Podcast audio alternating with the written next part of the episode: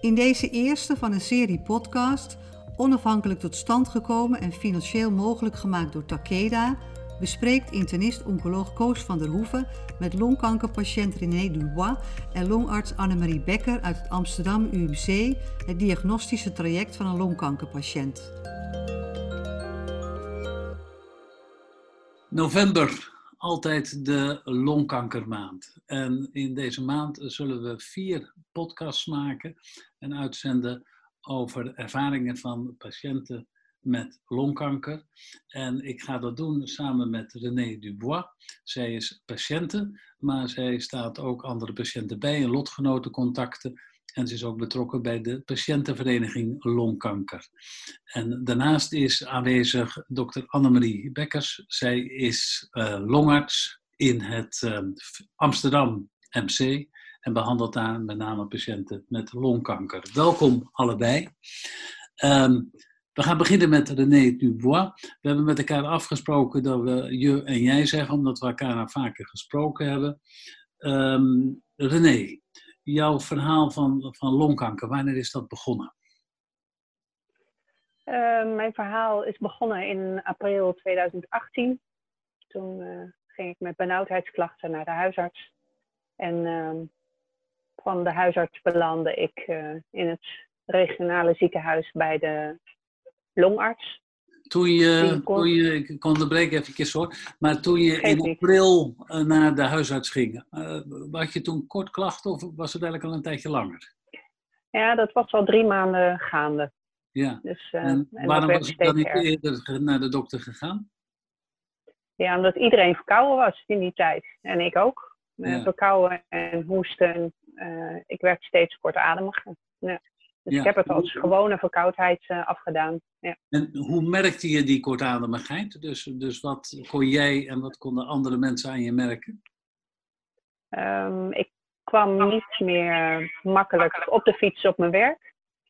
Ik uh, kon met de hond uh, niet, meer, uh, niet meer normaal doorlopen. En die, ja, die kortademigheid werd dus steeds erger. Dus dat maakte dat ik um, naar de huisarts ben gegaan. Nou, de huisarts die heeft je beklopt en beluisterd. En wat, wat is er toen gebeurd? Aanvankelijk um, begonnen met een uh, antibiotica-kuur. Omdat er niet uh, heel erg veel uh, te horen was. Dus toen, um, maar dat duurde een dag of drie, wilden ze wel verbetering zien. En dat was er niet binnen drie dagen. En toen heeft ze me doorgestuurd voor een longfoto. Ja, dat was een schrik, want op de longfoto waren afwijkingen te zien. Wat was er te zien? Klopt. Uh, er was uh, vocht te zien, een aanzienlijke hoeveelheid bij mijn rechterlong. Ja, ja. ja. De, de, huisarts en jij schrokken allebei. En wat, wat is er toen ja. gebeurd? Um, ik ben toen binnen een vier dagen bij een longarts terechtgekomen die um, ook op basis van de foto's voorstelde um, het longvocht uh, af te tappen en op basis daarvan uh, daarmee onderzoek te gaan doen naar de oorzaak van het vocht. Ja. ja. Um, dat longvocht dat is, is afgetapt. Was dat een, een ja. procedure? Hoe ging dat? Um, in eerste instantie, omdat ik niet meteen voor drainage opgenomen wilde, kon worden, uh, heeft hij eerst een klein beetje afgetapt. Dat was, uh, uh, ik vond het heel spannend, maar het viel heel erg mee. Um, de tweede keer was het echt een opname van twee dagen, drie dagen. Waarbij er dus een drain werd aangelegd. Dat vond ik nog spannender dan die eerste keer. Maar ja. uiteindelijk viel dat um, ook wel mee. Uh, Waren ja. de klachten van kortademigheid daarna weg? Ja, helemaal. Ja. ja. En, en kon er op basis van onderzoek van dat vochten tot een diagnose gekomen worden? Ja, er, in ieder geval dat het. Um, nou ja, dat was eigenlijk toch een beetje anders. Um, omdat ze hadden dat eerste afgenomen vocht al onderzocht. En daaruit konden ze vaststellen dat het Ehm, en dan weet ik niet meer precies hoe dat was. Uh, of het te maken zou kunnen hebben met longkanker, dan wel met schildklierkanker. Um, toen hebben ze het longvocht allemaal afgenomen, want het, ze hadden ook geen primaire tumor gezien in mijn longen. Dus ze konden uh, op basis van het ontbreken van een primaire tumor, konden ze niet um, vast, definitief vaststellen of het longkanker zou zijn. Want het was bij jou ook nog een beetje ingewikkeld, want het was niet de eerste keer dat je met de, diagnose kanker te maken kreeg. Nee, dat klopt. Ik had, uh, ik had uh, uh, 2008 heb ik eh, borstkanker gehad. Dus ook om die reden was het, uh, uh, daar begon het dus mee. Waren het uitzaaiingen van borstkanker van tien jaar daarvoor? Of was het uh, iets nieuws? En toen bleek het dus iets nieuws, maar wisten ze ook nog niet precies wat. Nee. En toen de, het vocht eenmaal afgenomen was, toen was het snel duidelijk. Want toen was de primaire tumor zichtbaar in mijn rechterlong. Dus ja. toen viel de optie schildklierkanker weg. Ja. En van die primaire tumor in de long, daar wilden ze toch nog graag wat meer weten. Wilden ze nog wat meer weten hebben om een diagnose ja. te krijgen. Hoe is dat bij jou gegaan? Hoe hebben ze dat gedaan? De, de primaire tumor die lag in de uh, rechter onderkwap. En dan een beetje aan de binnenkant. Uh, op een plek waar het uh, nogal beweegt met uh, aorta en um, maag in de buurt en slokdarm. En ze hebben bedacht dat um, ze daar niet in wilden prikken, omdat dat te spannend was. Dus ze hebben besloten long, aangedaan longvlies weg te halen. En dat dus daarvoor is ben ik Daarvoor ben je geopereerd. Het is een kleine operatie. Ja, klopt. Ja. ja. Nou ja, het, het, was inderdaad, het werd met een, een zogenaamde video-assisted thorax surgery gedaan. Dus uh, drie kijkbuizen in mijn ribbenkast. Alleen, um, um, nou, dat, dat klinkt um, als kijkoperatie klinkt dat uh, niet heel uh, zwaar, maar het was behoorlijk, ik vond het een behoorlijk pittige ingreep. Ja. ja. Het weefsel dat was afgenomen en toen begon het wachten eigenlijk een klein beetje op de uitslag. Daar wil ik zo dadelijk eventjes op ingaan. Maar ik wil eventjes naar dokter Annemarie Bekkers en vragen, als iemand er nou komt met deze symptomen, wat is dan de gebruikelijke diagnostiek die gedaan wordt om tot een goede diagnose te komen? Ja, ik denk dat René het heel goed verteld heeft en dat dat een goede manier is hoe het gegaan is. Belangrijk is inderdaad om, uh, nou, zoals zij met vocht komt, om eerst te kijken, is dit kanker of zit heel wat anders? Er zijn ook andere oorzaken voor vocht bij de longen mogelijk. En als het kanker is, is vaak dit soort vocht te weinig weefsel om een, ja, een echt duidelijke diagnose op te stellen. Dus dan willen we wat meer weefsel hebben. Histologie noemen we dat dan. Dus of inderdaad van longvlies. Maar als het makkelijker dicht bij de luchtwegen ligt, is een bronchoscopie nog mogelijk. En soms doen we zelfs uh, dat de radioloog uh, door de borstkas met de naald in een longtumor prikt om wat meer weefsel te verkrijgen. He, dus in de weefsel, weefsel kunnen we iets meer uh, bepalingen opdoen. Want weefsel is erg belangrijk om, om, om, uit te maken wat voor type longkanker het is. Daar komen we dadelijk ja. op terug.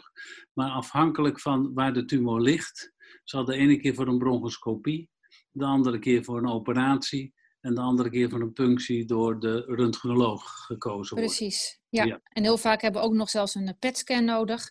Als we niet, uh, om goed te weten waar eventuele uitzaaiingen zitten en waar andere tumoren zitten. Dus het hangt echt ervan af hoe de patiënt zich presenteert. Ja, en die PET-scan, wat is eigenlijk het belangrijkste doel van de PET-scan in deze? Uh, bij je PET-scan kunnen we vooral goed zien waar uitzaaiingen zitten en of er lymfklieren zijn aangedaan.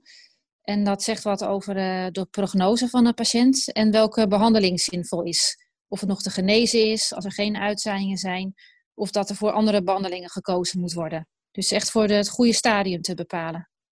Oké, okay, ga ik weer even terug naar René. Um, je moest wachten en je kwam een aantal keren terug in het ziekenhuis voor de uitslagen. Maar hoe, hoe ging dat? Um, de, het, weefsel, uh, ik nou, kreeg in ieder geval direct redelijk vlot na de operatie bericht dat uh, er genoeg weefsel was afgenomen om alle, alle verschillende onderzoeken te doen. En in mijn ziekenhuis hebben ze um, dat in verschillende stadia gedaan. Dus ze gingen um, eerst kijken naar de PDL1-expressie voor of immuuntherapie een mogelijke behandeling zou kunnen zijn. Toen dat niet zo was, zijn ze naar de meest uh, bekende uh, DNA-mutaties gaan kijken en steeds verder uh, doorzoekend naar de wat minder bekende DNA-mutaties, wat minder vaak voorkomen. Dus het was een, uiteindelijk een, ik ben geopereerd op 3 april en op begin mei, zeg maar, was pas duidelijk dat er bij mij sprake was van een ALK-mutatie. Ja, want daar komen we dadelijk nog eventjes op terug. Je had, mm -hmm. je had natuurlijk de angst, eh, misschien zijn het uitzaaiingen van borstkanker. Uiteindelijk ja. de longkanker te zijn, maar dat stemde ook niet, niet, niet heel erg enthousiast, want er waren uitzaaiingen op het longvlies. Je had gevraagd om een second opinion in het Antonie Verleeuwenhoekhuis. En daar, daar, daar, daar kwam je en daar kwam eigenlijk die diagnose naar voren, hè? Ja, klopt. Ja, want de, eigenlijk de second opinion uh, procedure, uh, die kon pas in gang gezet worden als alle gegevens bekend waren. En ik heb dat een beetje gepusht uh, om het samen te laten lopen, of in ieder geval zo snel mogelijk op te starten, zodat ik niet nog langer hoefde te wachten op een definitieve uitslag en ja. het uh, behandelplan. Dus uh, ik was voor second opinion in het AVL. En toen bleek uh, dat uit het dossier wat doorgestuurd was, dat uh, ALK-mutatie gevonden was. Ja. ja. die, die diagnose of die, die, die bevinding had ik nog niet van mijn eigen ziekenhuis gehoord. Ga ik zo nog iets meer over vragen. Maar ik vraag nog even aan Annemarie. Welke dingen wil je als longarts nu weten van het weefselonderzoek om bij patiënten die uitzaaiingen hebben van longkanker een goede behandeling te kunnen starten? Uh, het is in eerste instantie belangrijk om te weten of het een kleincellig of een niet-kleincellig uh, longcarcinoom is. Uh, dat maakt uit. En als het niet kleincellig is en een adenocarcinoom, dan is het van belang om uh, uitgebreide mutatieanalyse in te zetten. Omdat we tegenwoordig voor ja, een deel van die longkankerpatiënten echt een gerichte behandeling hebben. Echt puur gericht op die mutatie, met veel minder bijwerkingen en een betere prognose. Ja. Dus uh, iedereen met zo'n adenocarcinoom, die moet een uitgebreide mutatieanalyse krijgen, voordat je met behandeling begint. Oké, okay. en die patiënten die zo'n zo'n mutatie hebben, zo'n bijzondere mutatie, komen we later nog wel op terug. Uh, hebben die vaak gerookt, deze mensen, of is dat een hele andere groep? Het is zeker een andere groep. Het gaat vaak om jongere mensen. Bij de gewone longkanker, zeg maar, is de gemiddelde patiënt 70 jaar. En bij die speciale mutaties is het grootste deel jonger, iets vaker vrouw en een grote deel heeft niet gerookt. Dus zeker als mensen dat profiel hebben, moet je echt helemaal zeker weten of er een mutatie is. Ja, maar het komt ook bij oudere patiënten voor hoor. Komt ook voor, maar het, vaak heeft het niks met roken te maken. René is vrouw, René is jong. En had je gerookt? Uh, nee niet meer dan die 100, 100 sigaretten in mijn hele leven, zeg maar. Nee. Dat is eigenlijk nee. niet. Nog even, je, je kwam in het Antonie van Leeuwenhoekhuis, toch met, met gemengde gevoelens, want je, je wist wel een klein beetje wat, wat chemotherapie was en wat andere dingen waren. Wat, wat gebeurde er toen je hoorde dat het om zo'n ALK-gerelateerde vorm van longkanker ging? Ja, dat was uh, uh, een enorm euforisch uh, moment. want we, ik wist dat als er een uh, mutatie uh, als dat uit zou komen, dat dan doelgerichte therapie een hele um, uh, prettige, binnen de omstandigheden prettige behandeling was, met wat meer perspectief op kwaliteit van leven en lengte van leven. Dus toen ik hoorde dat die mutatie er was, was dat was fantastisch. Ja. Ja. Daar waren we heel erg blij mee. Uh, dat, dat goede nieuws hadden we heel erg nodig uh, op dat moment. Ja. Moest je er lang over nadenken of je dat wel of niet zou doen, die behandeling starten? Nee. nee, er geen enkele twijfel. Nee, nee, nee. kort gezegd. En je kreeg een recept en je ging eigenlijk gelijk naar de apotheek en met een zak pillen ging je weer terug naar huis. Klopt dat? Ja, uh, het was een hele grote doos. Ja.